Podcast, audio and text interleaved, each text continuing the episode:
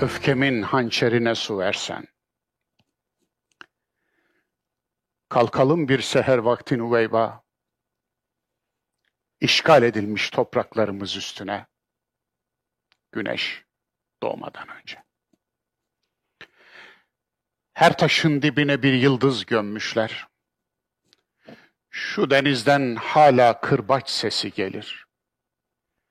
Atlıları en son ne zaman görmüştün Nüveyba? Ne zaman öpmüştün ayağını Selahaddin'in? İnsan başkalarının ölümü üzerine konuşurken biraz sıkılmalı, biraz utanmalı, biraz terlemeli. En azından başkalarının ölümü üzerine konuşan her insan şu soruyu arka planda veya dipnotta tutmalı. Sen hiç öldün mü? Kıyamet alametlerini hangi bağlamda ele almalı? Bir, teolojik gayb alemiyle ilgili uhrevi eskatolojik bağlamda mı? Yoksa etik, şehadet alemiyle ilgili dünyevi bağlamda mı? Yani ahlaki bağlamda mı ele alalım? Yoksa dini bağlamda mı ele alalım? Hocam dini ve ahlaki diye ayırmak doğru mu? Değil. Ama ben ayırmadım ki. Müslümanların tarihi ayırdı bunu. Akşamın yatışı bir son saat, sabahın kalkışı bir kıyamet. Her gün aslında provasını yapıyoruz farkında mısınız? Hatta daha da ölçeği daraltalım. Bir nefes verirken kıyamet, son saat alırken kıyamettir. Anlatabiliyor muyum? Alırken can alıyorsunuz. Verirken can veriyorsunuz. Kıyamet ne?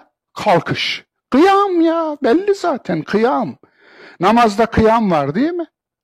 Yani namazdaki kıyamı siz yatsanız olmaz değil mi? E niye kıyamete böyle efendim yatış, yıkılış, ölüş anlamı veriyorsunuz? Hayat kitabı Kur'an mealimizin bu uygulaması gerçekten çok isteniyor, çok aranıyordu. Bu çalışma çok önemli bir çalışma. Çünkü sitemler bana geliyordu. Hocam yanımızda taşıyamıyoruz mealinizi notlarıyla beraber. Bir kelime yazıp da o konudaki düşüncenize ulaşacağız, ulaşamıyoruz. Bir kelime aklınıza geldi. Yecüc mecüc ne ya? Bir, ya herkesin diye veya Mehdi. Dolayısıyla şimdi bakacaksınız. Artık sadece bakmayacaksınız. Siretül Kur'an'a da bakacaksınız. Son saat ne zaman diyene sevgili Resulümüz ne cevap vermiş? Ma a'dette. Ne hazırladın? Onun için ne hazırladın? Bence de kıyametin vaktini birileri hesaplamaya kalkmış, haddini aşmış tabii. Birileri hatta hesaplamış. Şu zaman kıyamet, de yalan söylemişler biliyor musunuz? Batı yaşamı istismar eder, doğu ölümü istismar eder. Tüm din adamları yani ruhbanlar ölüm pazarlar maalesef. Tabii tüm yanlış onu bak yanlış işte ya tüm olur mu? İçlerinde çok güzel insanlar var en yakın yerden kendisini bir uyarıcı uyarır. En yakın yer nere insana en yakın yer? Vicdanı. Vicdanından uyarılır. Hayat filminde hem senarist, hem oyuncu, hem yönetmen, hem kameraman, hem figüransın. Şahit de sensin, sanık da meşhut da. Yol da sensin, yolcu da sensin, menzil de sensin. Kendin kendinde yürüyüp kendine varacağız. Kendine varırsan ve tuğbale kendine hoş geldin.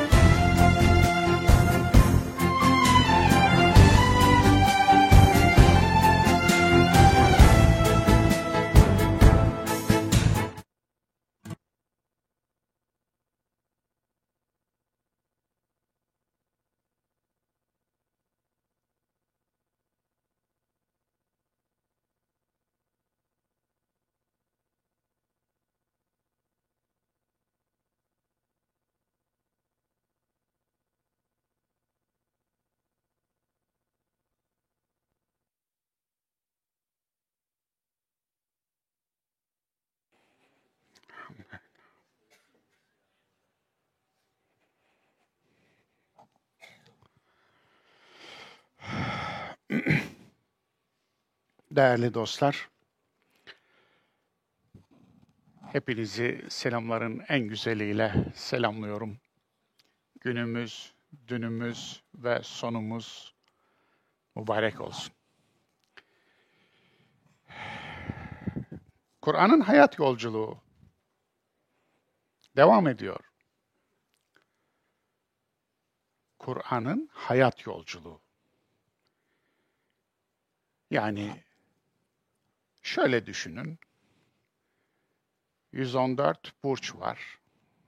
Bu yolculuk sırasında hayatın içinde bir yığın olay, isim, olgu ve hayatın binbir veçhesi, binbir manzarası, binbir türü, binbir derdi, acısı, elemi, kederi, sevinci, her şeyi bütün bir ayna gibi önünüzde.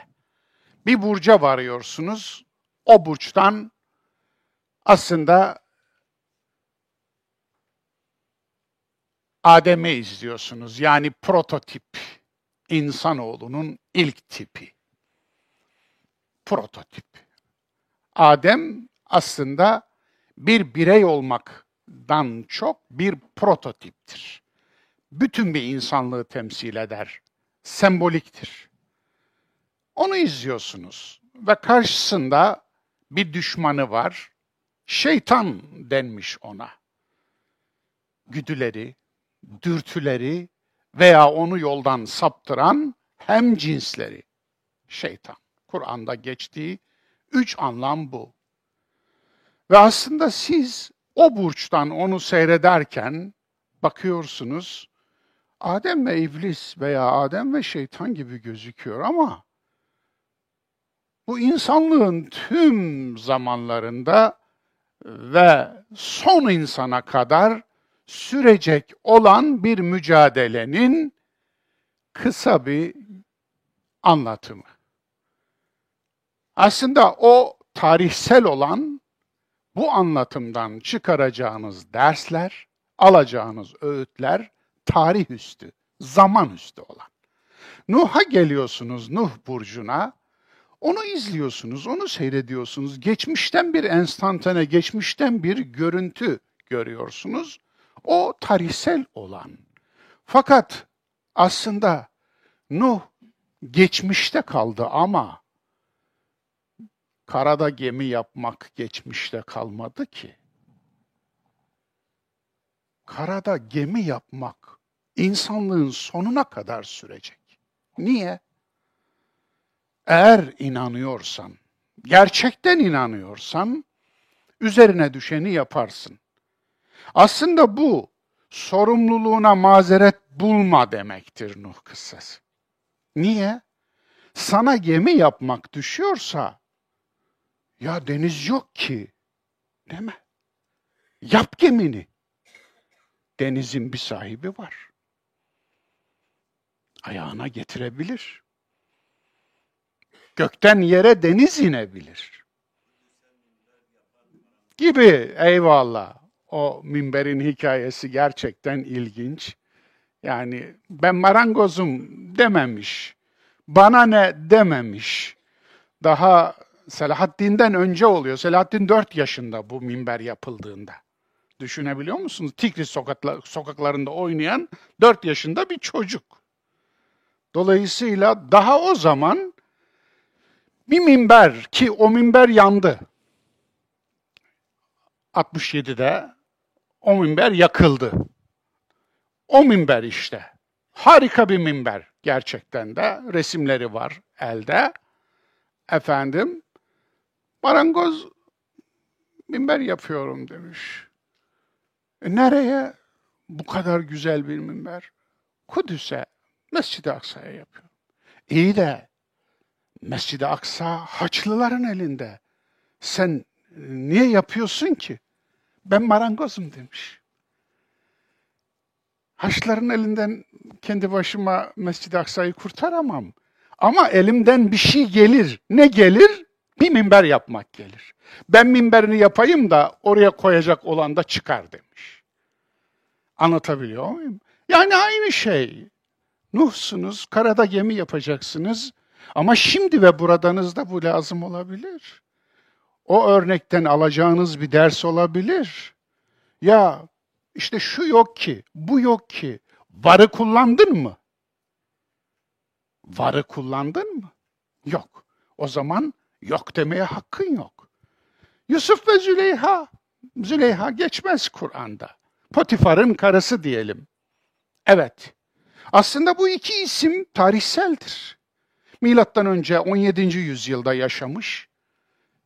Tarihseldir. Ama bize ne kaldı? Aslında kahraman Yusuf ve Züleyha değil ki. Kahraman iffet ve iffetsizlik.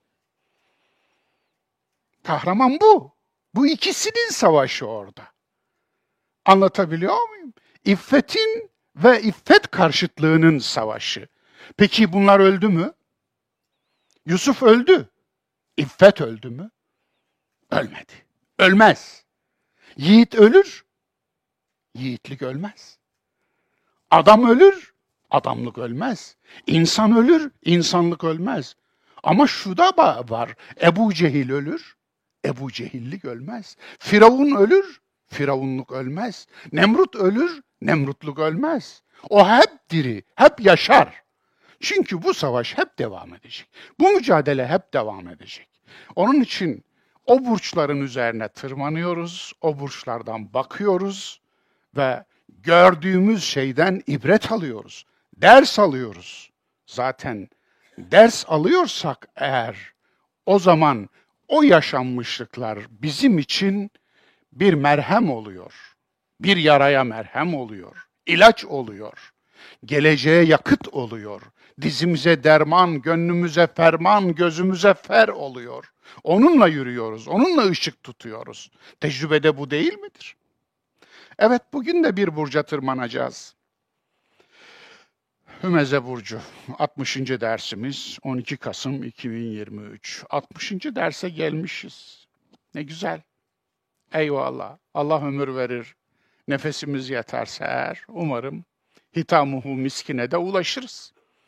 Bilmiyorum ne zaman ulaşırız. Öyle bir plan da yapmadım, program da yapmadım. Yani bu ders işte şunda bitsin diye böyle bir derdim de yok. Belki biz biteriz, ders bitmez. Zaten öyle. Hayat biter, yol bitmez. Ve bu bir yolculuk. Bizlerden öncekiler bu yolu yürüdüler. Bir sancak bıraktılar. Biz de onların bıraktığı yerlerden o sancağı alıp bir yerde biz de bırakacağız. Ve bizden sonra da çıkacaktır. Birileri çıkacaktır. Mutlaka çıkacaktır. Onun için kaygı etmeyin. Hakikatin sahibi vardır. El Hak. Onun için hakikatin sahibine güvenin. Yani Kur'an'dan onaylı değil ama geleneğin güzelliklerinden biridir. Cenab-ı Hak denir değil mi? Hak. Hak bir cenaptır. Evet. Hümeze suresi. Yürüyen cehenneme dönüşen insan tipi dersi. Yine çok ilginç bir başlık açılımı alt başlık. Yürüyen cehenneme dönüşür mü insan? Yani insan cehennem olur mu? Evet evet. Bu sure onun dersi. İnsan nasıl cehennem olur? Onun için insan insanın iki şeyi olabilir. Cenneti ya da cehennemi. Onun için hep deriz ya, Orada sizi bir şey karşılamayacak. Buradan gönderdiğiniz karşılayacak.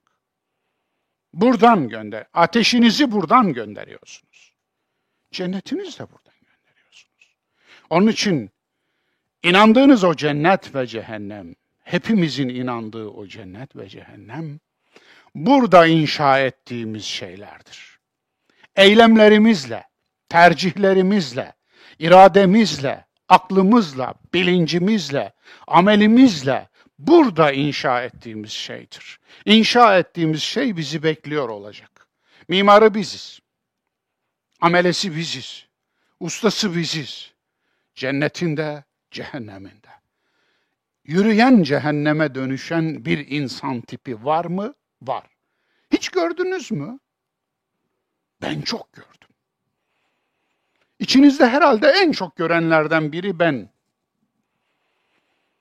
Onlardan o kadar çok bizar oldum ki gerçekten insana cehennemi yaşatırlar.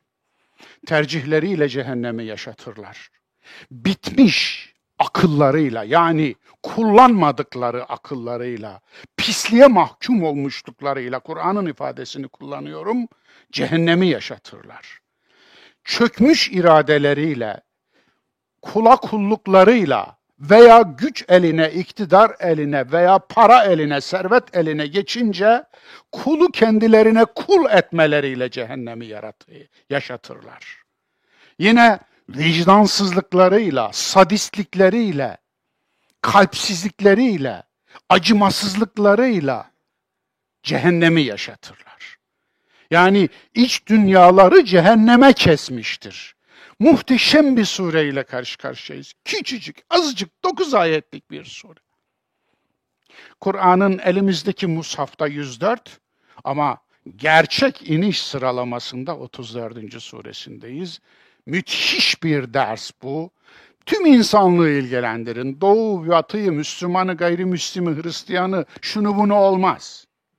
Cehenneme kesilen insan her coğrafyada var, her çağda var, her dönemde var. Biz o insanı Kur'an'ın aynasında seyredeceğiz. Kur'an'ın aynasına bu tip nasıl yansımış?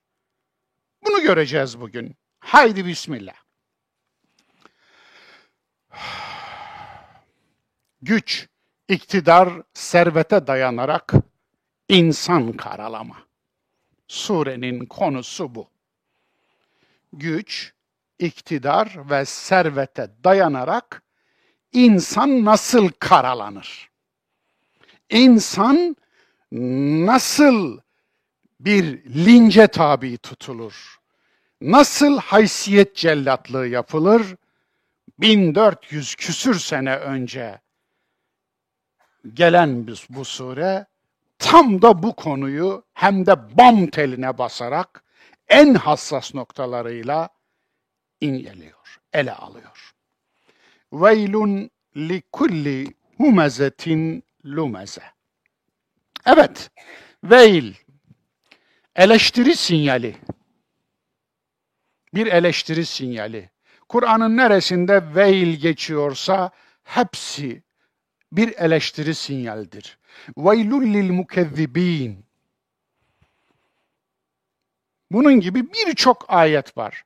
Ya veyleta leyteni lem ettehiz fulanen halila. Veyleta şeklinde de gelir. Bir yazıklanma ifadesidir bu. Keşke, keşke falanı kendime halil, dost edinmeseydim. Bu okuduğum ayetin manasında vermiş olayım. Veil nerede gelirse gelsin bir ilenme, bir yazıklanma. Yazıklar olsun ona. Vay gele onun başına. Veil de muhtemelen doğal seslerden biri. Vay gibi, oh gibi, ah gibi doğal seslerden türet olsa gerek. Tahminim. Yaratan insana neden yazıklanır?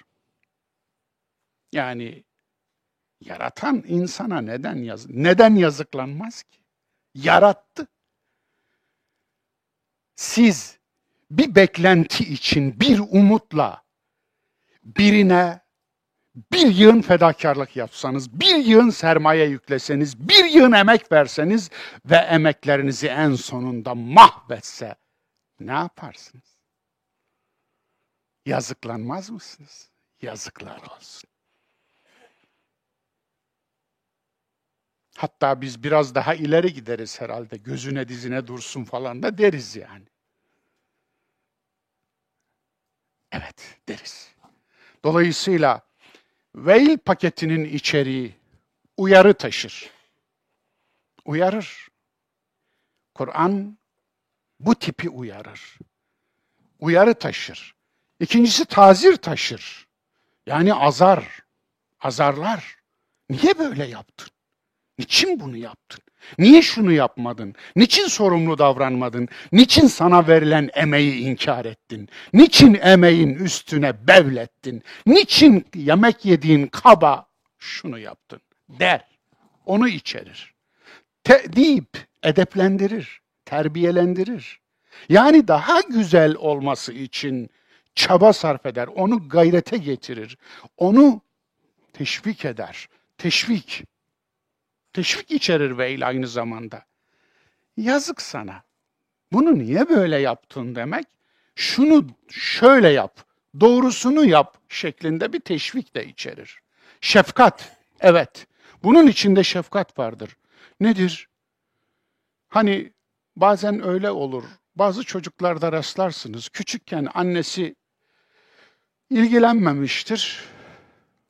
Sobanın içindeki şişi alıp gözüne sokmuştur. Böyle bir yakınım var benim. Ve bir ömür kör olan çocuğu.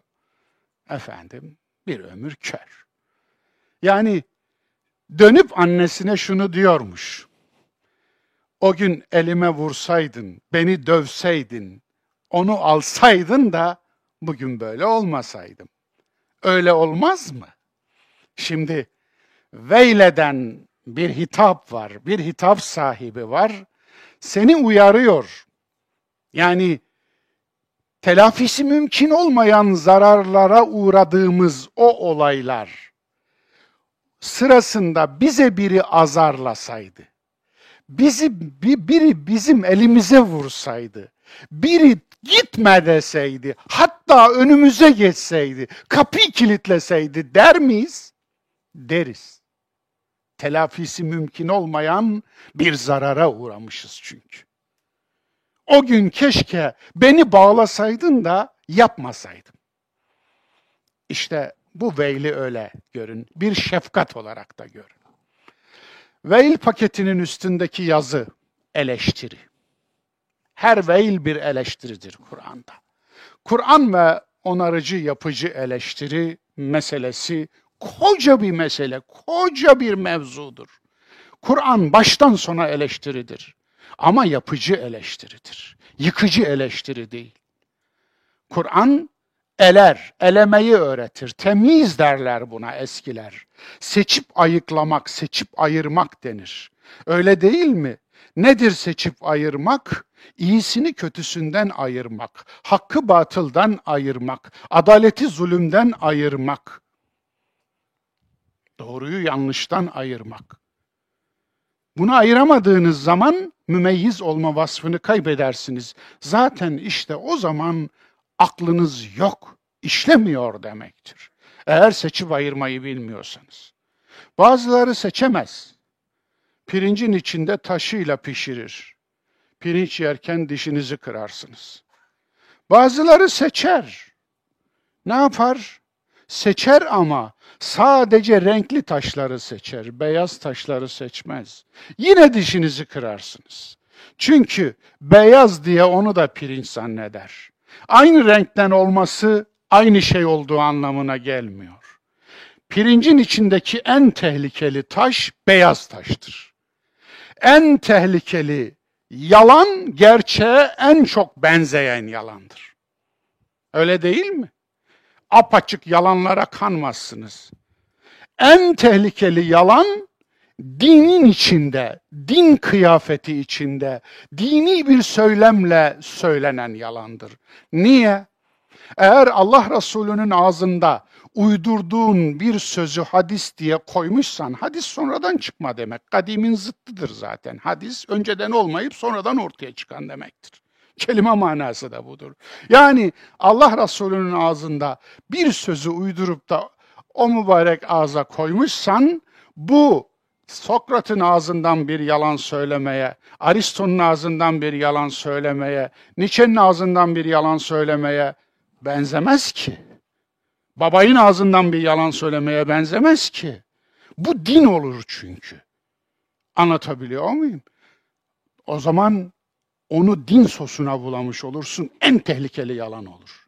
Çünkü o yalanı imanların içine sokacaksın sen. İmanın bir kurduna dönüşecek. Bir iman virüsüne dönüşecek. Din kisvesine, din kıyafetine bürüdüğün, din postuna büründürdüğün her sahte, her yalan aslında Allah'a bir iftiraya dönüşür. Evet, Kur'an onarıcı ve yapıcı eleştirinin en harika örneklerini taşır ki aslında Maun suresi bir ibadet eleştirisi. Kur'an'da ibadet eleştirisi var. Hem de çok. Hem de çok. Kur'an'da iman eleştirisi var yahu. Bakara suresi 93. ayet. Size imanınız ne büyük fenalık işletiyor diyor. Bakar mısınız? Fenalık işleten bir iman türünden bahseden bir Kur'an var. Kur'an imancı değil. Kur'an ibadetçi değil, namazcı, oruççu değil. Kur'an Allahçı bile değil. Ne diyor? Sakın aldatıcı sizi Allah ile aldatmasın. Ve la yegurrannekum billahil garur. Aldat Kur'an Allahçı bir kitap olsa bence bu cümleyi böyle kurmamalıydı, şöyle kurmalıydı. Ya biri sizi aldatacaksa illa varsın Allah desin de aldatsın. Böyle demiyor. Hayır diyor. Sizi Allah diyerek aldatmasın. Allah'ı aldatmak için kullanmasın. Buyurun. Ayırın, alın, eleştirilere bakın. Peygamber eleştirisi. Kur'an baştan sona peygamberleri eleştirir. Yani insanlığın prototipi alan Adem'den bakın. Nuh'tan bakın. O benim evladım diyor, gemiye davet ediyor oğlunu. Hayır diyor, leyse min ehlik. O senin evladın değil. İnnehu min amelin gayri salih, gayru salih. O salih olmayan bir ameldir. Yani e, evlat insanın ameliymiş. Bunu da buradan öğreniyoruz. Amel ne demektir? İnsanın planlayarak oluşturduğu eyleme denir. Peki çocuğu planlıyor musunuz? Geldik mi zurnanın zırt dediği yere? Çocuğu planlıyor musunuz? Yoksa ne geldi, hoş geldi. Böyle mi? O zaman şunu ne yapalım? Evlenin, çoğalın, ben ümmetimin çokluğuyla övüneceğim. Vay be! Nasıl becerdiniz Kur'an'la savaşmayı? Kur'an Kur'an'ı vuran kurşun imal edeceksiniz, üstüne de hadis yazacaksınız öyle mi? Korkunç. Korkunç bir cinayet sizinkisi. Hiç çokluğun övüldüğünü gördünüz mü Kur'an'da? Hep yerilir. Hep yerilir. Ne yapıyorsunuz siz? Evet, din adamı, din adamı sınıfı esnafının eleştirisi. Kur'an baştan sona din adamı sınıfını eleştirir yahu. Ruhbanlığı eleştirir. Ruhbanlık konusundaki ayet var. Eleştiren, kökten eleştiren. Onu biz emretmedik asla diyen. Ve tabii ki elleriyle yazdılar bu Allah'tandır dediler diyen ayetler var. Var, var, var. Evet. Hümeze lümeze, hemz, çekme, çekiştirme, dürtme, rahatsız etmek anlamına, mehmuz. Ez cümle iki nokta üst üste karalamak anlamına gelir hemz. Çekmek. Aslında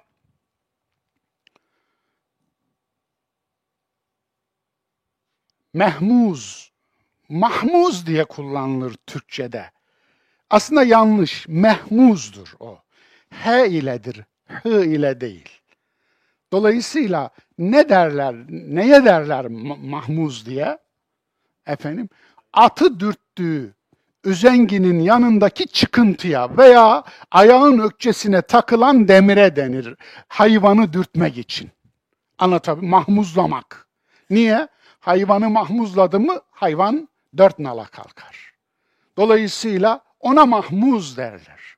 Onun için insanı dürten, insanı rahatsız eden, insana hakaret eden, karalayan, lemz de öyle. İtmek, itelemek, kara çalmak, vurmak, yaralamak, saf dışı bırakmak demek. Evet, o da karalamak manasına gelir. Önden ve arkadan diye söylemişler. Efendim çok da şey değil bu. Aslında özü itibariyle karalamak. Gıybet değil. Özellikle gıybetle karıştırıyorlar. Hatta bazı mealler bunu gıybet olarak çeviriyorlar. Öyle bir çeviri olur mu yahu? Gıybet Kur'an'da zaten var. İşte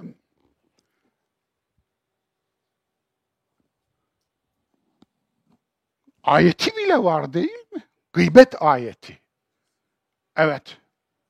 Onun için o değil. İfk. Bu da var. İftira demektir.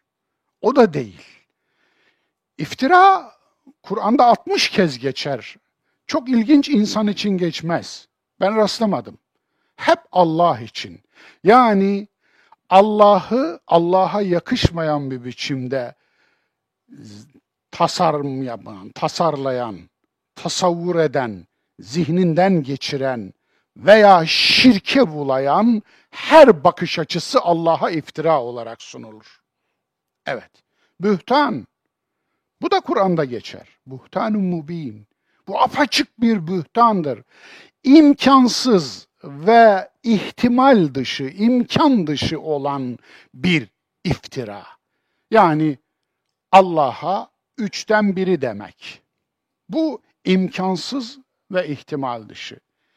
Bir hadıma zina iftirası etmek.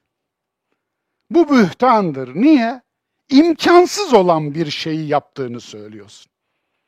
Anlatabiliyor muyum? Bunun gibi. Hırsızlık yapması ihtimal dışı olan birine hırsızlık isnat ediyorsun. Veyahut da zulmetmesi ihtimal dışı olan birine zulüm isnat ediyorsun. İşte buna bühtan deniyor. Evet, hümeze lümeze günümüzde neye tekabül eder? Asıl bu. Karalama kampanyasına tekabül eder. Evet, Hümeze suresi karalama kampanyası yapan tipin suresidir. Algı operasyonuna tekabül eder. Algı operasyonu neydi? Yani kamusal alanda birinin imajını yok etmek için, birinin imajını karalamak için yapılan operasyon. Ahlaksızlık tabii. Manipülasyon bugün, bugünkü dilde hümeze lümeze bir manipülasyondur. Manipülasyon nedir? Bir doğruyu manipüle etmek, içinden bozmak. Onun için o hakikati ters yüz etmek. Buna manipülasyon diyoruz. İtibar suikasti de diyorlar buna. İtibar suikasti. Birinin itibarını yerle bir etmek için bir operasyon çekiyorsunuz. Ne yapıyorsunuz? Fısıltı gazetesiyle veya basınla veya yayınla veya başka şeyle bir operasyon çekiyorsunuz. İşte itibar suikasti. Haysiyet cellatlığı da deniyor ya buna. Haysiyetli bir insanın haysiyetine çamur atıyorsunuz. Taş atıyorsunuz, ahlaksızlık yapıyorsunuz. Evet, bunu yapanın kendisi haysiyetsizdir veya bunu yapan zümre haysiyetsizdir. Ancak haysiyeti olmayanlar haysiyet cellatlığı yapar. İtibarı yerle bir edenler haysiyet cellatlığı yapar. Evet, bu arada itibarla haysiyet arasındaki farkı biliyor musunuz? İtibar dışarıdan size verilen şeydir. Haysiyet sizin kendinizden sahip olduğunuz şeydir. İtibar alınır, verilir. Onun için benim nezdimde itibarın itibarı yoktur. Niye? Toplum bir gün alkışlar, öbür gün yuhalar toplumun alkışladığı iyi, yuhaladığı kötü diyeceksek eğer biz de kötüyüz. Öyle mi? Toplumun ağzına mı bakacağız? O zaman çokluğa itibar ediyorsunuz. Çok kimi alkışlıyorsa o iyi, kimi yuhalıyorsa o kötü öyle mi? Ama tarih boyunca iyi insanları kalabalıklar yuhalamış, taşlamış. Buna ne diyeceğiz?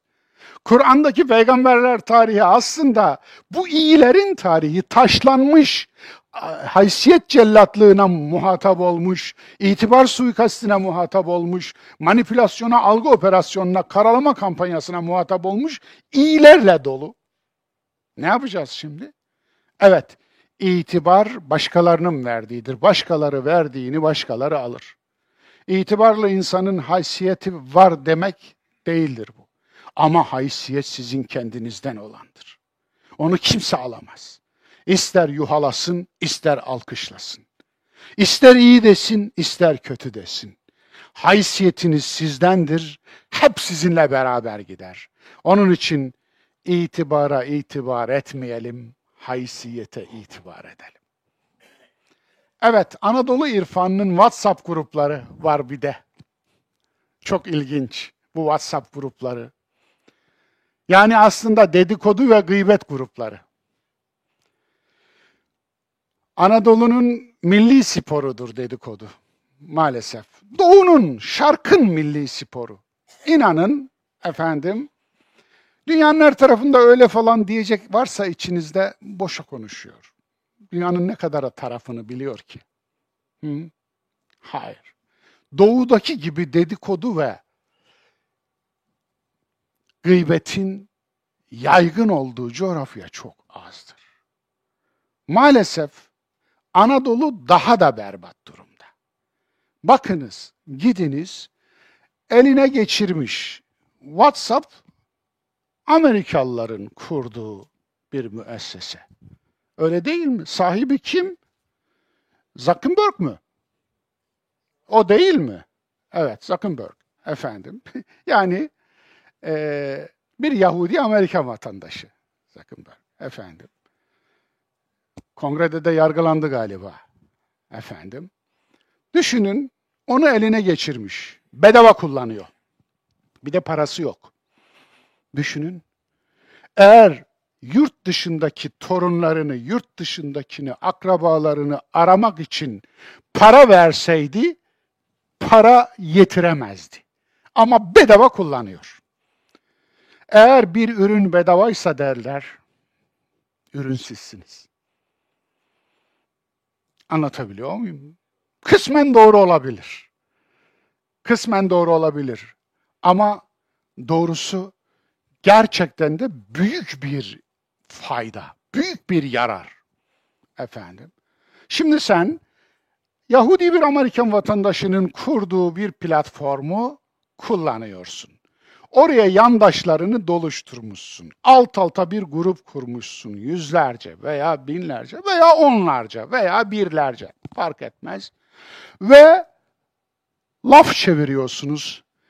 Alıyorsunuz orada birini ayağınızın altına, biriniz vuruyor ona, öbürünüz vuruyor ona.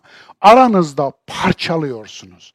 Aslında orada siz manevi bir cinayet çetesisiniz.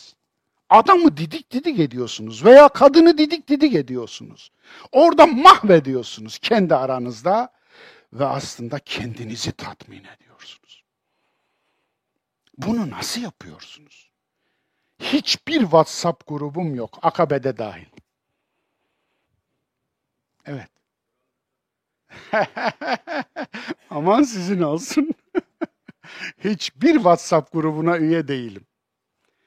Buna niye ihtiyaç duyuyorsunuz? Çok mu yalnız hissediyorsunuz? Kitabınız yok mu sizin? Okumuyor musunuz? Dostlarınız yok mu sizin? Niye dedikodu çeviriyorsunuz? Dostlarınızla bir araya gelip muhabbet etseniz. Muhabbet dururken niye nefret biriktiriyorsunuz? Neye yarıyor bu? Farkında mısınız?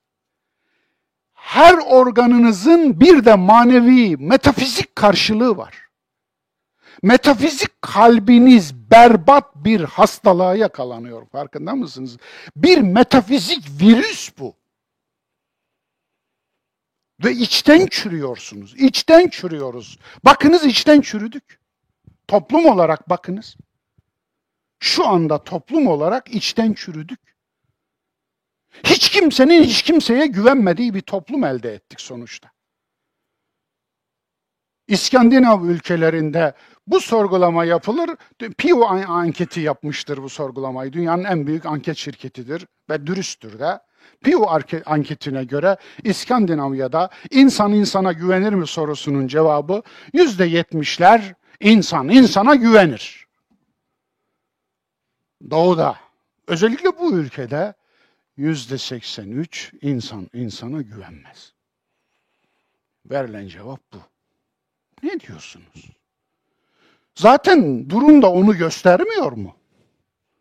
Manzara da onu göstermiyor mu? Onun için bu memlekette yapılan şeylere baktığımda ben bu insanın güvenini mi artırıyor, insanın insana güvensizliğini mi artırıyor diye sorarım. İnsanın insana güvensizliğini artıran her şey zararımızadır. Zararımızadır arkadaş. O nedenle evet sosyal, siyasal, dinç, din, dinsel linç de işte hümeze, lümezenin bir karşılığıdır. Linç, sosyal linç, siyasal linç.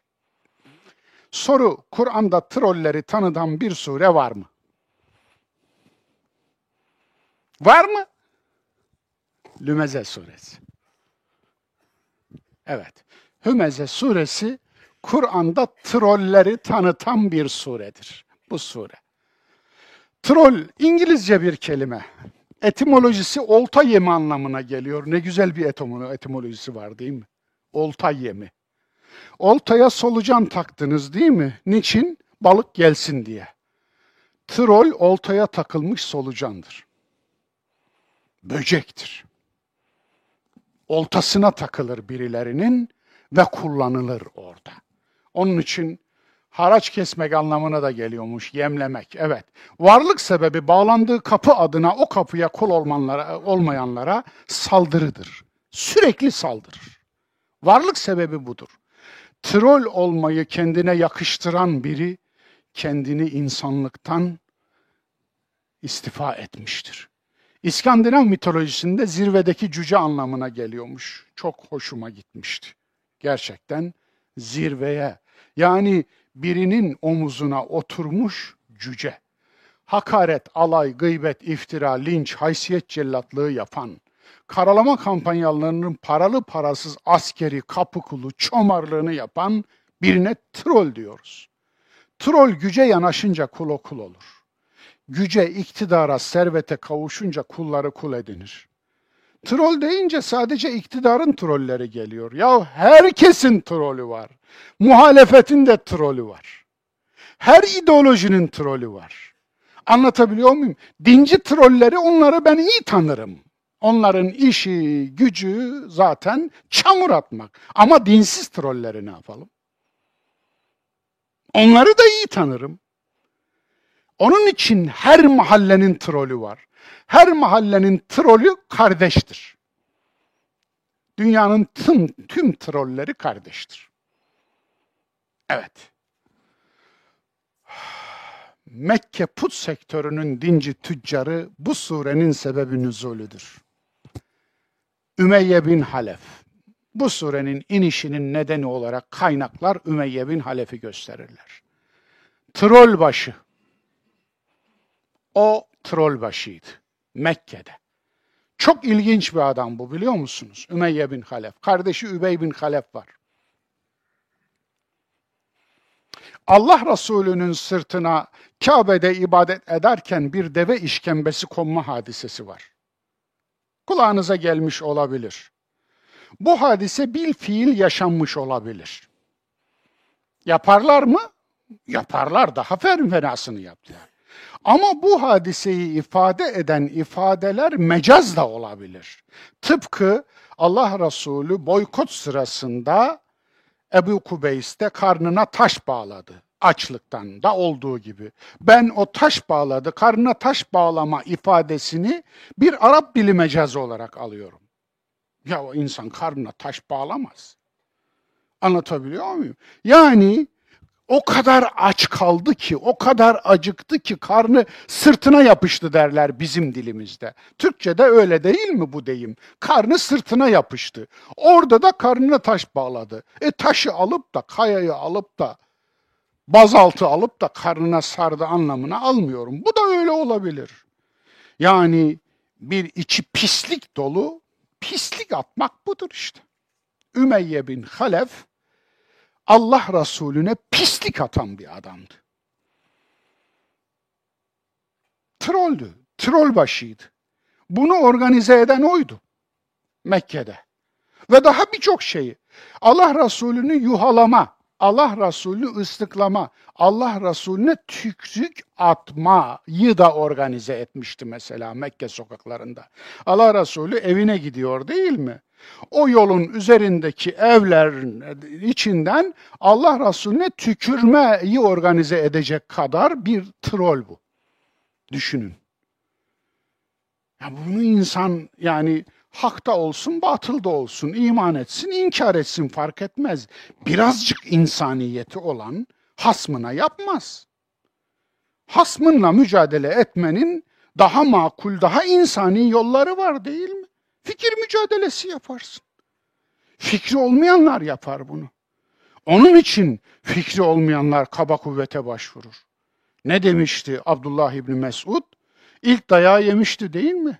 Kabe'nin avlusunda Kur'an'dan ayetler okudu ve başına üşüştüler. Neren ister, neren istemez. Ondan sonra Abdullah İbni Mesud'un bu olayı tavsifi, tarifi nasıl oldu biliyor musunuz?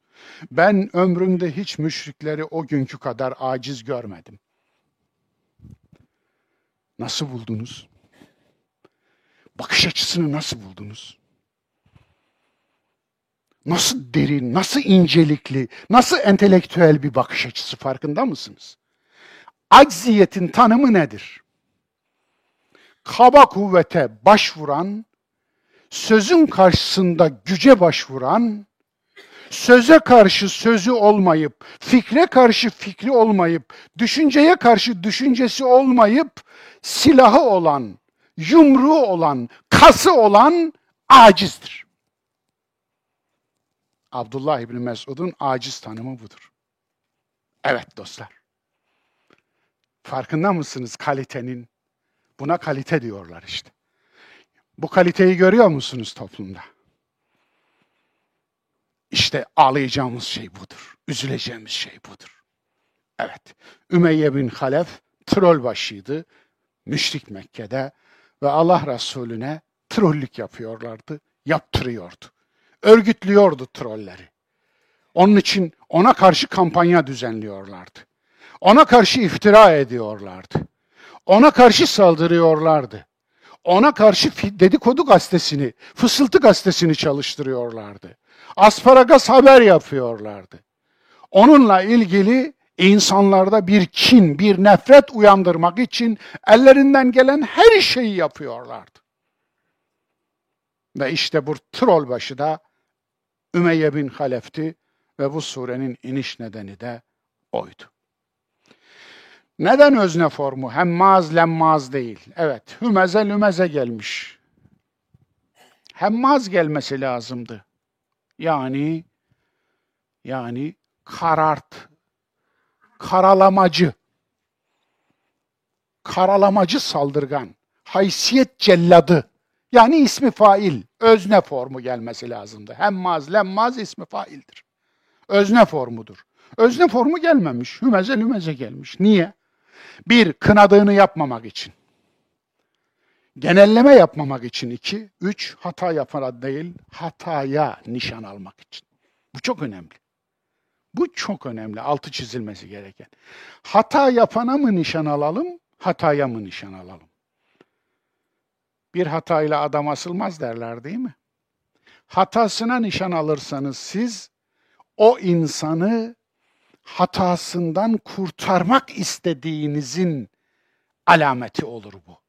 Ama o insana nişan alırsanız hatasını istismar ederek o insanı yok etmek istediğinizin alameti olur. Bu ilginç değil mi? Evet. Hataya nişan almak. Hata yapana değil.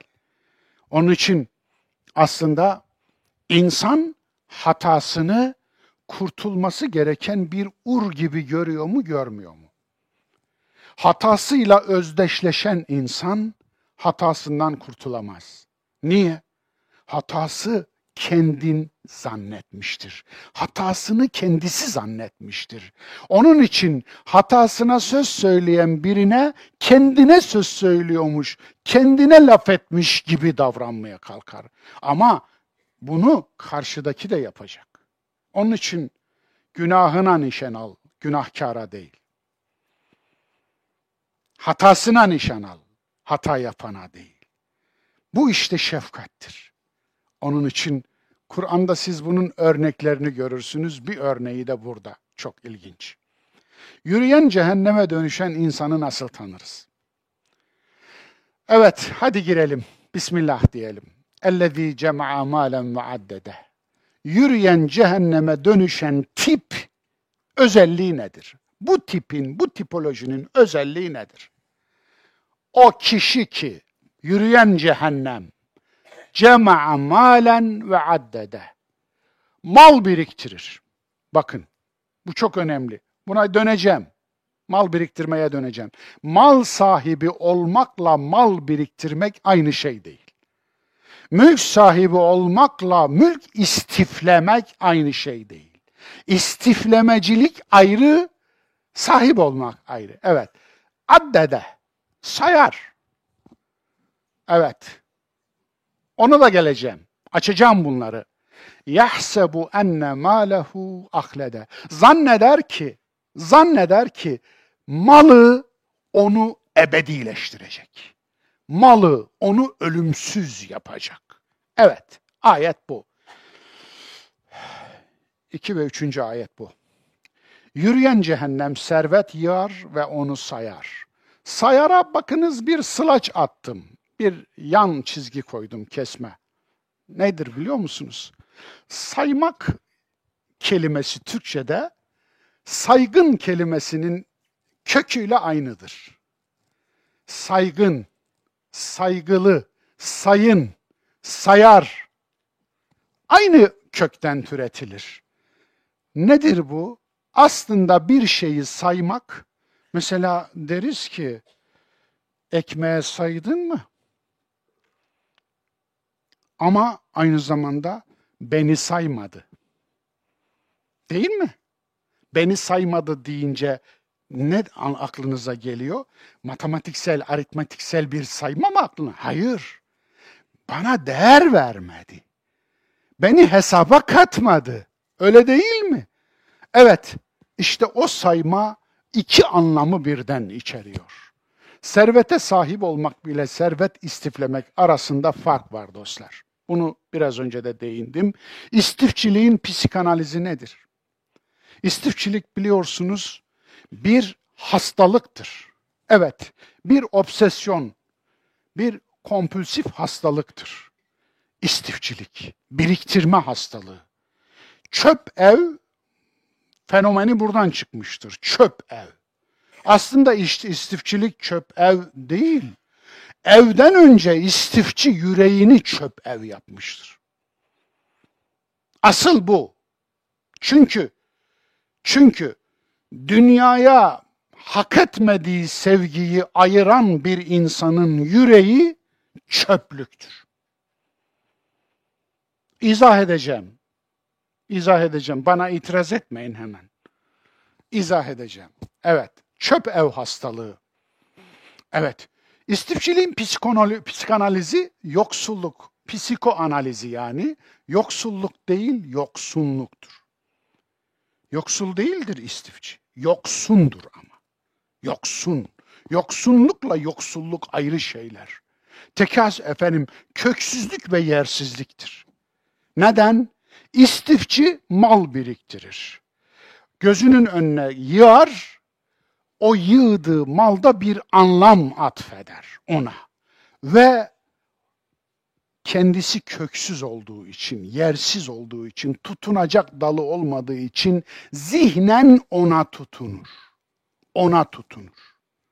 O yığdıklarına tutunur. Dolayısıyla ya esnetecek şeyler söylemiyorum dostlar. Yani ben de vaizler gibi açılın aşk ile falan mı diyeyim yani? evet. Çöp ev hastalığı, istiçilik illeti, tekasür krizi budur işte tekasür krizi. El hakumut tekasür hatta zurtumul makabir. Yani biriktirme tutkusu sizi helake sürükledi. Ta ki kabir ziyaretine kadar işi vardırdınız diyor ya. Açlığın iki türü var. Küçük açlık, büyük açlık. Küçük açlık karnın açlığıdır. Büyük açlık gözün açlığıdır. Evet, Açı bir ekmek doyurur, aç gözlüyü dünyanın tüm fırınları doyurmaz. Doyurur mu? Doyurmaz. Dolayısıyla o açlar yüzünden dünyada küçük açlık var. Bakın bir daha söylüyorum. Büyük açlar yüzünden dünyada küçük açlık var. 80 800 milyon yani dünyada Birleşmiş Milletler rakamlarına göre 20 yıl öncenin rakamı bu. 800 milyon aç insan var. E, yaklaşık o kadar da obez var. Yani birinin fazlasını öbürüne versek sorun kalmayacak. Tabii bu e, biraz da e, şey, e, latife olarak söylenmiş bir şey. Ama gerçekte aç gözlerin istiflediklerinden eğer gerçekten karnı aç olanlara verseydik, onlar doyardı, onlardan da hiçbir şey eksilmezdi, inanın öyle. Evet. Yürüyen cehennem ve serveti saymak. Evet, saymak, saygınlık, bakınız biraz önce söyledim onu, itibar, muteber. Evet, serveti saymak onu saygınlık ölçüsü saymaktır. Saygınlık ölçüsü yapmaktır. Servet saygınlık ölçüsü olabilir mi? Veya bir toplumda servet saygınlık ölçüsü ise serveti olanın önünde eğiliyor. Serveti olanı saygın addediyor insanlar. Ama ilmi olanı, ahlakı olanı, karakteri olanı, haysiyeti olanı, kalitesi olanı eğer saygın saymıyorsa o toplum içinden çökmüş, çürümüş, yozlaşmış bir toplumdur. Dostlar, hadise budur. Onun için itibar ile haysiyet arasındaki farkı söyledim. Verdiğin itibarı al da git, haysiyetin bana yeter demeyi tavsiye ediyorum. Evet, insan, insandaki cehennem, insandaki insan, cehennemdeki insan. Evet. Kella leyumbezenne fil hudame. Yo, durun burada. O öyle değil diyor bir üstteki ayet. Yani malı istifleyeceksin, sayacaksın, ondan saygınlık elde etmeye kalkacaksın.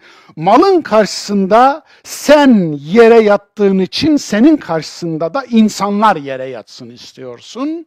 Yazalansın istiyorsun. Yo diyor orada dur. Kella. Hayır. Yo. Yapma böyle. Ya ne?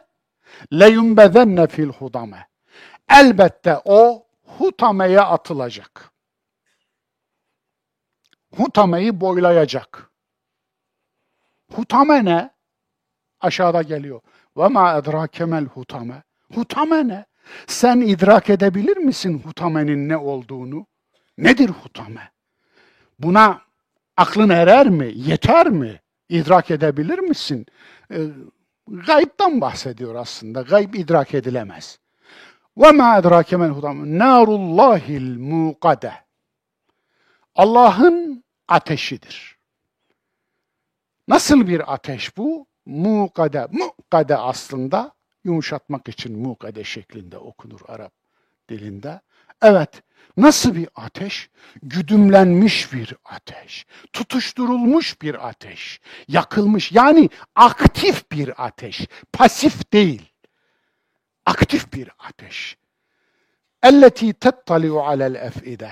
Öyle bir ateş ki bu yürekleri tutuşturmuştur. Yüreklere doğmuştur. Yüreklere yapışmıştır. Yüreklerin tettali'u ittala'a içine işlemiştir. Yüreklerin yüreğine işlemiş bir ateş.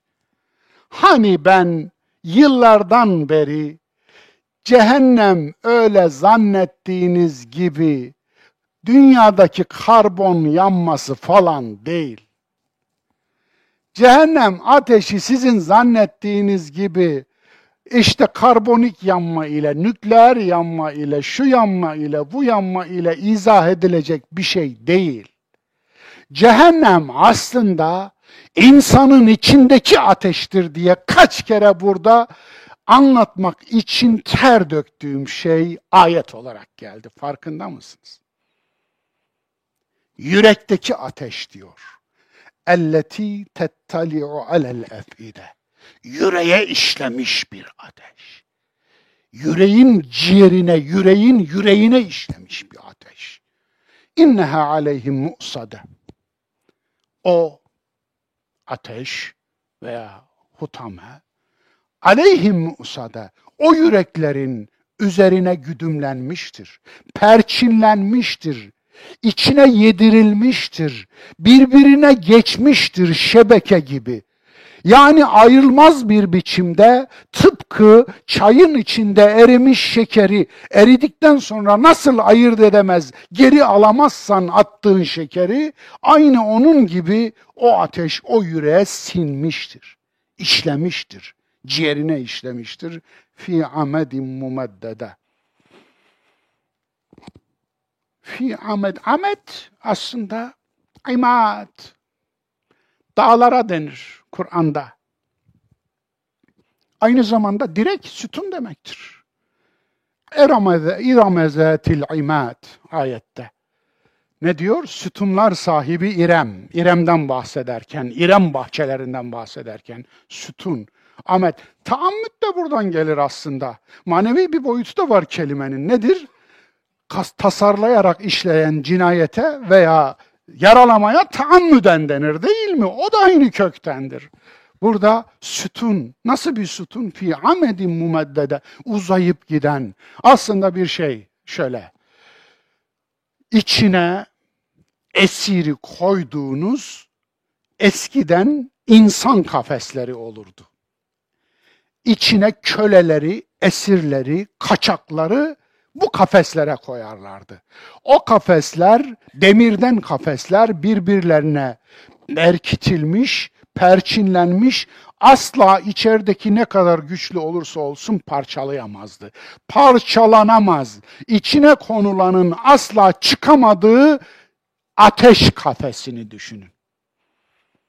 Peki burada bir üstteki ayetle andığımızda ne olur? Öyle bir yürek ki yüreğin içinde kafes, kafesin içinde yürek. Kafesin içinde yürek, yüreğin içinde kafes. Nasıl bir şey bu? Peki bu sütunlar ne? Yüreğine yedirdiği mal sevdası, mal demiyorum. Mal sevdası. Malın sevdası mal gibi değildir. Su ile gemi ilişkisini düşünün. İnsanın servetle ilişkisi budur. Eğer su geminin dışındaysa, teknenin dışındaysa gemiye yol olur değil mi? Yol alır. Harika bir şey. Onun için demiş ki zat elimizde çok eyle, gönlümüzde yok eyle ya Rabbi demiş. Ne güzel bir dua ya. Malsız mı olalım? Efendim biri demiş. La edri derler bu sahibi bilinmeyen sözlere. La edri. Dolayısıyla bilmiyorum demek la edri. Yani elimizde çok eyle, gönlümüzde yok eyle. Bu duayı etmek lazım. Yani bu dua böyle edilmez. Gönlüne koyma arkadaş. Ne diyordu Seyranimiz? Yere çakan iki çatal kazığı, ikiden birine eyler yazı. Çatal kazık yere geçer mi? Kırılır, geçmez. Onun için yani aslında şirkin bir türü de budur biliyor musunuz? Yüreğin sahibi vardı. Sen niye getirdin de bir de yanına ikincisini koydun? He? O yüreğin sahibi vardı aslında. Sahipsiz değil. Dolayısıyla sahipsiz yüreğin yanması haktır. Sen sahip olursan bu yürek yanmayacaktır. Hadi bakalım bir nazirede biz yapalım. Eyvallah. Yani bu anlamda su dışına da olursa gemiye yol olur. Peki su içine girerse ne olur? Ölüm olur. Ölüm olur. Batar değil mi? Su içine girmemeli. İşte yani servet istiflemek ayrı bir şey. Servete sahip olmak ayrı bir şey. Zaten servete sahip olmak mı, servete ait olmak mı ikilemi de burada ortaya çıkıyor. Sen servete sahip misin servetine? Servete ait misin? Eğer servete sahipsen onun öznesi olursun. Servet altında atın olur. Eğer servete aitsen sen servetin atı olursun, o da senin sürücün olur, jokeyin olur. Eğer gemini ağzına takarsa, eline yularını alırsa, senin sahibin olursa servet, servet insanı nereye sürer? Nereye götürür? Ateşe götürür diyor. Evet, doğrudan ateş. Onun için insan yüreği kafeste veya kafesin içinde insan yüreği. Yani yüreğin içinde kafes, kafes içinde, içinde yürek. Bir ateşten kafes. Muhteşem bir benzetme, muhteşem bir edebi metin aynı zamanda. Yani insanın iliklerine işlemeli bu. Ve insanın dünya ile servetle etrafınızda gördüğünüz tüm kötülükler hemen hemen insanların içindeki o dünya sevgisiyle, servet sevgisiyle, iktidar sevgisiyle, iktidar aşkıyla işliyorlar zulümleri farkında değil misiniz? İktidar aşkıyla işliyorlar soygunları farkında değil misiniz? İktidar, servet, güç aşkıyla işliyorlar her türlü cinayeti farkında değil misiniz? Bu çok önemli. Dostlar bu çok önemli. İnsan ne zaman insanlaşır? Tüm derdimiz bu. Konu ne? Konu insan. Farkında mısınız? Konu insan. Yani Allah'ın Müslümanların Allah'ı olmadığını biliyorsunuz. Allah alemlerin Rabbi. Müslümanların Rabbi değil. Allah alemlerin Rabbi. Bütün bir alemlerin. Gayrimüslimlerin de Rabbi. Hristiyanların da Rabbi, Yahudilerin de Rabbi, Budistlerin de Rabbi, hayvanların da Rabbi, bitkilerin de, taşların da, yıldızların da, efendim varlığın, kainatın, kainatların Rabbi. Evet, alemlerin Rabbi olduğuna bir iman edelim önce. Yoksa Allah'ı nüfus cüzdanımıza yazıyoruz, bizim takıma alıyoruz, e, cep boyu bir Allah yaptırıyoruz haşa, cebimize koyuyoruz, ara sıra çıkarıp seviyoruz. Ondan sonra da eğer baktık işimize karışacak, Yerini bil diyoruz. Bak sana boşuna hürmet ediyoruz, kıymetini bil. Haşa. Bunu yapıyoruz. Yani Allah'ı putlaştırıyoruz. Öyle demiştim ya daha önceki surelerden birinde. Evet, devam edelim. Kur'an'da cehennem. Cehennem kelimesinin kaynağı İbranice aslında. Gohinam sözünden geliyor. Daha önce işlemiştim. Fecr suresi 31. ayet. Affedersiniz 31. ders de cehennemi işlemiştim. Kur'an'da cehennem nasıl geçer? Yani o, o derste 40 dakikamı cehenneme ayırdım. Lütfen eğer ayrıntılı olarak görmek, izlemek isteyen varsa Fecr suresi yani 31. derse tekrar baksın. İliya'da çöplerin atıldığı uçuruma çukura denir. İliya neresi? Bugün Kudüs denilen yer. Kudüs'ün adı Kudüs değildir. Kudüs'ün adını Kudüs koyan büyük zalim İslam tarihinde, Müslüman tarihinde yanlış düzeltiyorum. Müslüman tarihinde büyük zulümlerin adamı ve Mekke yerine İliya'yı yani Beytül Makdis'i Kabe yerine oraya yaptırdığı kubbeyi, hac yerine de oraya tavafı, haccı şart kılan buna hayır diyenlerin bir kısmını boynunu kesen, kafasını kesen bir zalim hükümdardır. Abdülmelik bin Mervan. Odur koyan. Allah Resulü'nün dilinde bugün bizim Kudüs dediğimiz şehrin ismi İliya'dır. Evet, o günkü ismi. Evet, o gün bir uçurummuş burası ve şehrin çöpleri buraya atılırmış. Hatta öldürülen insanların cesetleri de buraya atılır. Nar ve narın sıfatları. Cahim, leza, hutame, hutame, haviye, sa'ir. Bakınız Kur'an'da bir sürü sıfat gelir. Bir kardeşimiz sormuş tam da burada. Işıl Hanım'a buradan selamlar, sevgiler gönderiyorum. Çok değerli talebem, iftihar ettiğim talebelerimden. O sormuş. Demiş ki hocam, vicdanın ismi olarak Kur'an'da bir sürü şey saydınız. İşte şehit, saik, efendim bir sürü isim saydınız. Peki hani demiştiniz ki Arap dilinde bir kural var. İhtilaful esma tedullu ala ihtilafil ma'na. İsimlerin farklılığı anlamın farklılığına delalet eder. E şimdi ona karşı olmadı mı bu demiş bu söylediğiniz. Eğer Kur'an'da birçok vicdan varsa, efendim birçok vicdanı ifade eden. Hayır efendim bunlar vicdanın isimleri değil, vicdanın sıfatları. Mesela derler ki Arap dilinde devenin 200 tane, aslanın 300 tane, işte kılıcın şu kadar ismi var. Hayır, bunlara isim denir. Teknik olarak, etimolojik olarak, affedersiniz, linguistik olarak isimdir bunlar. Ama bunlar sıfattır. Allah'ın 99 ismi var deniyor. Nedir? Aslında bunlar isim değildir ki. Bir tane ismi vardır Allah. Gerisi nedir? Sıfat. Allahu Kerimun bakınız. Allah kerimdir. Allahu azizun. Allah azizdir. Allahu halikun. Allah haliktir.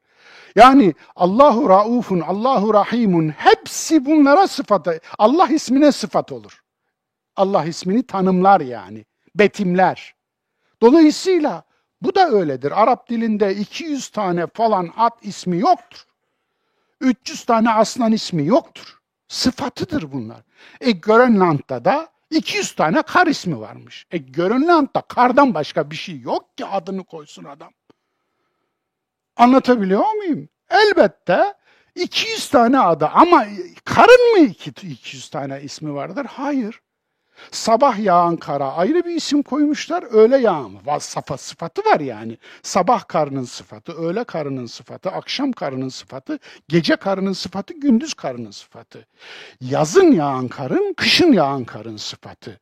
Geçen eski karın sıfatı, yeni karın sıfatı. Bakın karın sıfatlarından işte Dolayısıyla bunları isim sayamazsınız. Oradaki vicdanın da sıfatlarıydı. Burada da öyle bakınız.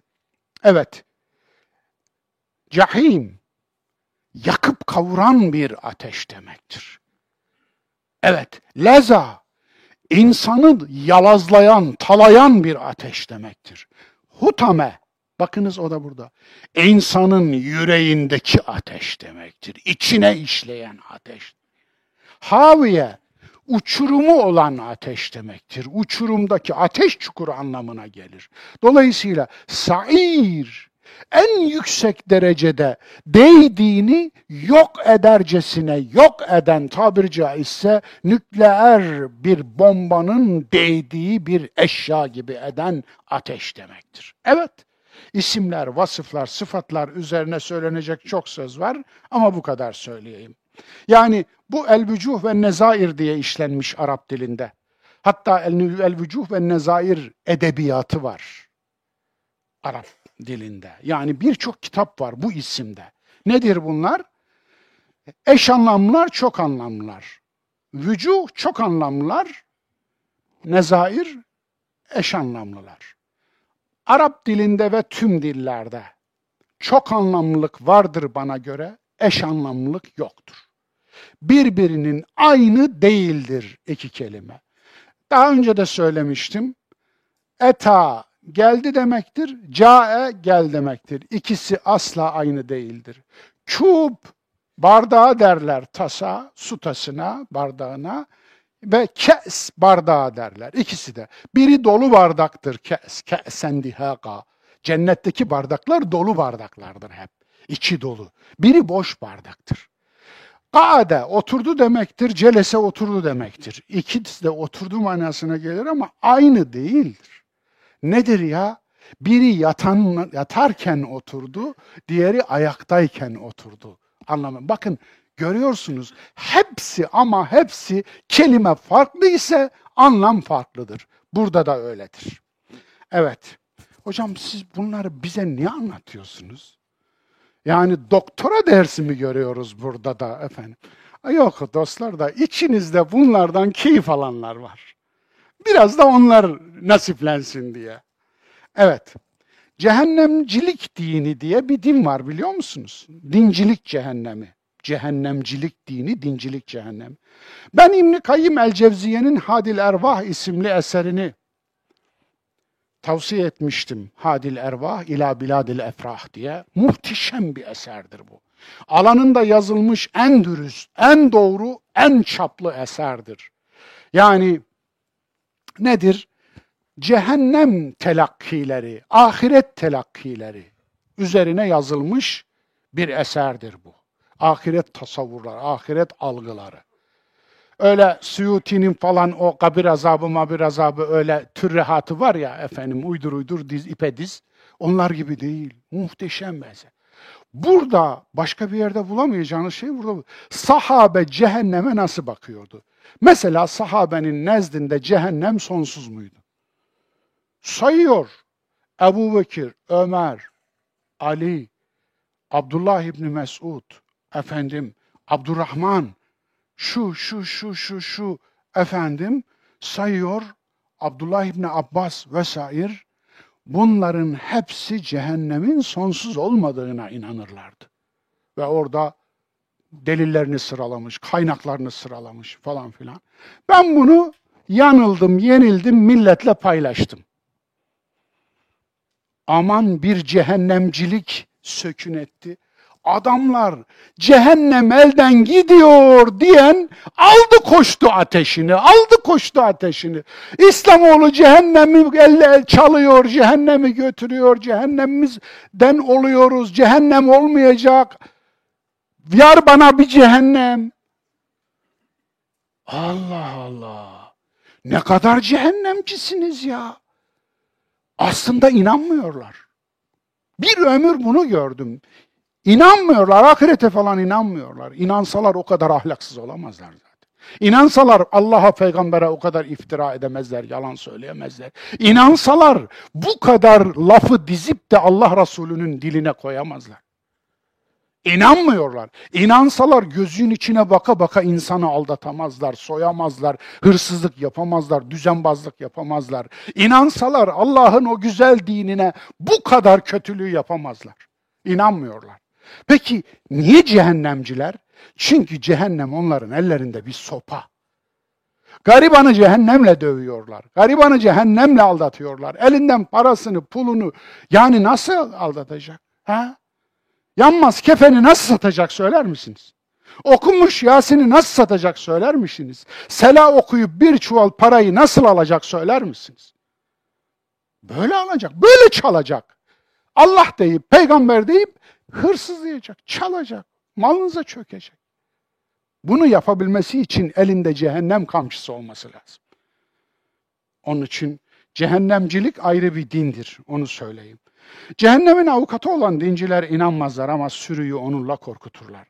Zorunlu olarak mecazdır tabii ki. Ahirete ilişkin her şey mecazdır. Niye? Mecaz olmak zorunda. Görmedik. Bilgimizin konusu değil, imanımızın konusu. Anlatabiliyor muyum? Onun için mecazdır. Çünkü gayb olan doğal olarak mecazdır. Gayb. Gayb ne demek? İdraki aşan hakikat. Bitti idraki aşan. Şehadet alemi var değil mi onun dışında bir de? Alimul gaybu ve şehade. Gaybın ve şehadetin alimi. Haşr suresinin 23. 22. ayet. Dolayısıyla epistemoloji, Kur'an epistemolojisi iki, iki ayaklıdır. Yani bilgi sistemi, bilgi felsefesi. Bir ayağı gayb, bir ayağı şehadet. Gayb imanımızın konusudur, şehadet ilmimizin konusudur şehadete ulaşmak için araştırma yaparız, deney yaparız, keşif yaparız, onunla ulaşırız. Peki biz Müslümanlar şehadeti ilgilendiriyor muyuz? Şehadetle ilgileniyor muyuz? Manzara ortada. İnsanın iç dünyasını yakıp kül eden Allah'ın ateşi. Evet, uzatmayacağım, müjdeliyorum. Zamanında inşallah bitireceğim. Narullahil muqade. Allah'ın ateşi diyor. Evet. Elleti tettaliu alel efide öyle bir ateş ki yüreklerin üzerine perçinlenmiştir. Yüreklerin üzerine sıvaşmıştır.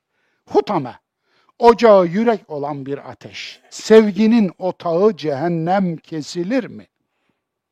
Sorun bu. Yürek sevginin otağıydı. Sevginin otağı cehennem kesilir mi? Yürek cehennem kesilirse o insan neye döner? Evet. Nasıl olur? Cehennem sandığınız gibi değil. Burada ipucu değil belge var. İç yangını demiştim ya onu söyledim zaten. Oraya girmiyorum. Ama yürek cehennem kesilir mi sorusunun cevabına Kur'an kesinlikle diyor. Yürek cehennem kesilir. Ne olursa kesilir. Yürek kendisinden daha alt varlık olarak varlık hiyerarşisinde kendisinden daha altta olan varlık hiyerarşisindeki maddi dünyayı alır da kendisinin üstüne koyarsa yürek cehennem kesilir diyor. Şimdi düşünün. İlahi bir hiyerarşi var. İlahi hiyerarşide insan maddi dünyanın en gelişmiş halkası olarak duruyor zincirde. Öyle mi? Ahseni takvim. Budur işte. En güzel kıvamda. Kıvamı en güzel yalnız. Bu kıvamı siz pişireceksiniz. Siz. Yani yağı verdim, efendim unu verdim, şekeri verdim. Helvayı sen yapacaksın diyor. İnsan sen olacaksın diyor. Evet, kendi kıvamını sen bulacaksın. Potansiyelin var, kinetize edecek olan sensin. Tamam. Bu tamam. Peki Nasıl olacak bu? Eğer arkana koyduğunu alıp öne koyuyorsan, dünyayı arkana koymuş. Anlatabiliyor muyum? Yani senden düşük dereceye, altta. Sen alıp üstüne koyuyorsun. Hani biraz önce suvari at meselini söylemiştim ya. İşte tam burada geldi. Biraz da latif olsun güldüreyim. Malım demenin iki vurgusu vardır derim her zaman. Bir, benim malım. iki ben malım. Vurguyu doğru yapmak lazım. Sen mi malsın yoksa senin mi malın? Eğer senin malınsa özne ol arkadaş. Onu güt, yularını elinde tut. Yönet yani, yönet. Malını yönetemiyorsan, mal seni yönetiyorsa benim malım deme, yalan söylemiş olsun. Ben malım olmuş olur. Evet. Soru, neden Allah'ın ateşi? Cevap, ilahi yasağa bağlı her sonuç Kur'an dilinde Allah'a isnat edilir. Evet böyle. Kur'an'ın dilinde ilahi yasaya bağlı her sonuç Allah'a isnat edilir. Anlatabiliyor muyum? Sen atmadın Allah attı. Bu ayette olduğu gibi ilahi yasaya bağlı olan her şey yani iradenin bir yasası var. Aklın bir yasası var. Vicdanın bir yasası var. Tabiatın bir yasası var. İnsan duygularının bir yasası var öyle mi? Korkunun bir yasası var. Sevginin bir yasası var. Öfkenin bir yasası var. Dolayısıyla aynı şey. Öfkeni yönettiğin zaman öfke nimettir. Öfken seni yönettiği zaman öfke beladır. Şehvetini yönettiğin zaman kesinlikle şehvet Allah'ın büyük nimetlerinden biridir. Olmazsa insanoğlu olmazdı. Varlık olmazdı. Ama şehvet seni yönet yönettiği zaman şehvet senin belan olur. Korkunu yönettiğin zaman korku nimettir. Korku seni yönettiği zaman korku beladır. Yani gördüğünüz gibi yasası vardır yasa. Yasa da budur işte. Sen onu mu yönetiyorsun, o seni mi yönetiyor? Yasa da budur dostlar. Evet, Allah'ın ateşi işte bu yüzdendir. Yani servet seni yönetiyorsa eğer ateşin olur, ateşin yüreğinde yanan yüreğin o ateşin mangalı, ocağı olur. İçinde ateş taşıyan bir cehenneme dönersin. Cevap ilahi yasaya bağlı her sonuç Kur'an dilinde Allah'a isnat edilir. Evet, tettaliyo ateşin kaynağının dışarıda değil içeride olduğunu ifade eder. Evet, ala harfi cerri burada yürekte yanan ateşin sahibinin her şeyini istila edip kuşattığını ifade eder. Ala istila içindir. Birçok anlamı vardır da en başat anlamlarından biri istila. Yani yüreği istila etmiş bir ateş. El efide iç dünyasını oluşturan her parçanın cehennem kesildiğini ifade eder. Evet. Her parça bir cehennem kesilmiştir. İnsan cehennem kesilince ne olur? Ona yakın olmak, cehenneme yakın olmak anlamına gelir. Değil mi? Cehennem olmuş bir insana yakın olan cehenneme yakın olur. Duyguları ve duyuları cehennem olur o insanın, yakar. Evet, duygularıyla yakar. Cehennem kesilmiş bir insan sizi seviyorum dese sevgiyle yakar. Sizden nefret ediyorum dese nefretiyle yakar. Sizden korkuyorum dese korkusuyla yakar. Korkusuyla yakar. Nasıl yakar ya hocam? Bunu anlamadım ben. Korkusuyla nasıl? Senden korkar değil mi? Korktuğu için sana kulluk yapmaya kalkar. Sen de kendini ilah zannetmeye başlarsın. Seni işte öyle yakar. Anlatabildim mi? Kullanacak bir aklı kalmamıştır. Pisliğe mahkumdur. Evet. Çünkü aklını yakmıştır. İçinde cehennem, içi cehenneme dönen bir insan kendi aklını yakmıştır, kavurmuştur. Pisliğe mahkumdur aklını yakmışsa. Yunus 100. Kullanacak bir vicdanı kalmamıştır. Vicdansızlığı vicdanın yerine koymuştur. İradesi cehennem olmuştur. Dünya yansa o şehvetle yumurtasını pişirir, saçını tarar. Bilinç, şuur devreleri yanmıştır. Cehaleti, cesaretini, bilinçsizliği, yobazlığını besler. Öyle değil mi? Cehaleti, cesaretini besler. Bilinçsizliği, yobazlığını besler. Evet, o söz doğrunun ta kendisi olur. Yobaz sözü Almanca'ya nispet edilmiş, Latince'ye nispet edilmiş, Yunanca'ya nispet edilmiş. Doğru değil bence. Benim görüşüme göre yobaz sözcüğü Türkçe bir kelime. Yani aslında Turani dillerin tamamında var. Asya dillerinin tamamında var.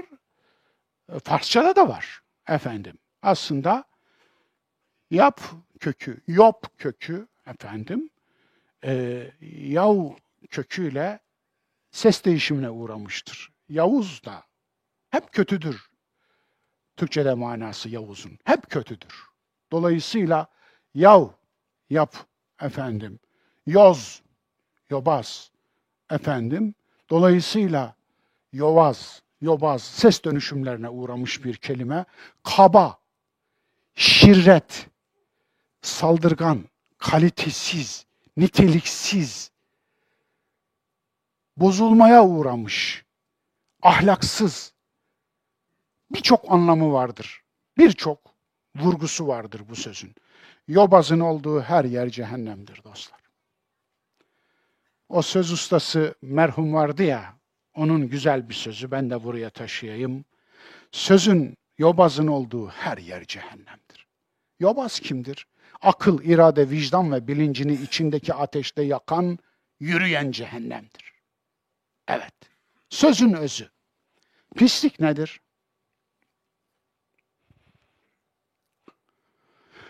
Annenizin saçları çok hoşunuza gider. E, sevdiğinizin saçı da hoşunuza gider. Ama başında olduğu sürece o saçları hep sevesiniz gelir. Fakat yemeğin içine düşerse ne olur? Artık yerini terk etmiştir. Olmaması gereken bir yere düşmüştür. O yemek artık pis olur. İçiniz almaz. Yiyemezsiniz. Dolayısıyla yağ damlası, yağ efendim aslında önünüze gelse bir tabağın içinde yanında bir de zahter olursa değil mi? Onu ona banar afiyetle yersiniz. Ama o yağ gömleğinize, elbisenize damladı mı pis olur. Hemen çamaşır yıkamaya. Değil mi? Niye? Olmaması gereken yerdedir. Bal arısı. Bal arısı peteğin içine gördüğünüzde rahatsız olur musunuz? Veya balın üstünde bal arısı gördüğünüzde rahatsız olur musunuz? Zaten arıları silkeleyerek çıkarıyorlar e, petekleri değil mi? Bakınız hiç şey yapmıyorsunuz. Ama bal arısını yemek tabağının içinde görürseniz yerini terk etmiştir. Olmaması gereken yerdedir. Cehennem olmuş bir insanın yüreği de böyledir. Mal olmaması gereken yerdedir. Malın olması gereken yer insanın yüreği değildir. Anlatabiliyor muyum? Yoksa mal kötü demek anlamına gelmiyor bu. Tıpkı arı kötü demek anlamına gelmedi. Yağ kötü demek anlamına gelmedi. Saç kötü demek anlamına gelmediği gibi. Yerinde değildir ama. Yerini terk etmiştir. Onun için mal, iktidar, güç yerini terk etmemeli. Haddini aşmamalı, zıttına inkılap eder. Haddini aşan men caveze haddehu ingalebe dıddahu der Araplar. Haddini aşan zıttına inkılap eder. Evet. Servet, güç, iktidar suya benzer. İnsan yüreğiyle gemiye dedim zaten. Doyumsuz bir servet, güç, iktidar tutkusu insanı içten içe yakar, bitirir. ve aç gözlerin yönettiği evler, şehirler, ülkeler cehenneme dönüşür. Dönüşüyor, dönüşecektir. Bu böyledir. Böyle bilin bunu. Bunun doğusu batısı, Müslümanı, Hristiyanı, Yahudisi, şarkı, garbı olmaz. Nerede olursa olsun böyledir. Yasa budur. Yasayı değiştiremezsiniz. Çare hırs değil kanaat. Büyüme değil küçülme. Evet evet. Hoşunuza gitmiyor olabilir. Küçük güzeldir diyordu İsa Nebi değil mi? Bir bebek görmüştü de küçük güzeldir. Bebekler niye güzeldir? Küçüktür. Evet. Küçük güzeldir. Dolayısıyla bakınız Allah Resulü hiç dev dev camiler yapmadı. Hiç camisi olmadı Resulullah'ın biliyor musunuz? Hepsi mescit. Çünkü yeryüzü mescit kılınmıştı. Gayet sade, gayet mütevazi, gayet insani, hayvani ve şehvani değil. Şehvet doyurmadı. Cami kelimesinin karşılığının eklesyadan alındığını, kiliseden alındığını daha önce söylemiştim. Kilisenin Arapçaya tercümesidir. Nesini beğenmediniz Kur'ani mescidinde yerine camiyi koydunuz? Aynen benzemiyordu kiliseye de onun için. Evet. Niye niye böyle mutantan tantanalı? Niye böyle bilmem kaç milyon dolara yaptırılmak zorunda? Oraya gelen Müslümanlardan bazıları ekmek bulamazken neden milyon dolarlık camileriniz var? Allah'tan korkmuyor musunuz?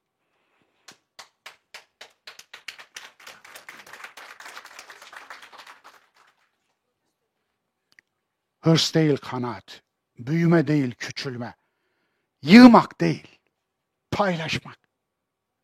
Paylaşmak. Evet paylaşmak. Allah'ınızın aşkına. Paylaşmadığınız sürece Allah da rahmetini sizinle paylaşmayacaktır. Bunu böyle bilin. Unutmayın. Allah için vermek, vermek değildir. Almaktır. Ahsin kema ahsenallahu ileyk. Ayet bu. Allah sana nasıl ikram etmişse sen de öyle ikram et. Allah için vermek, vermek değil, almaktır. Niye? Sen verirsin, o verir. Sen verirsin, o verir. En sonunda kim kazanır? Allah kazanır. Ama sen de kazanırsın. Onunla verme yarışına girdiğin zaman o kazanır. O kazanınca sen de kazanırsın. Eyvallah. Yürüyen cehennem yerine yürüyen cennet olmaktır çare.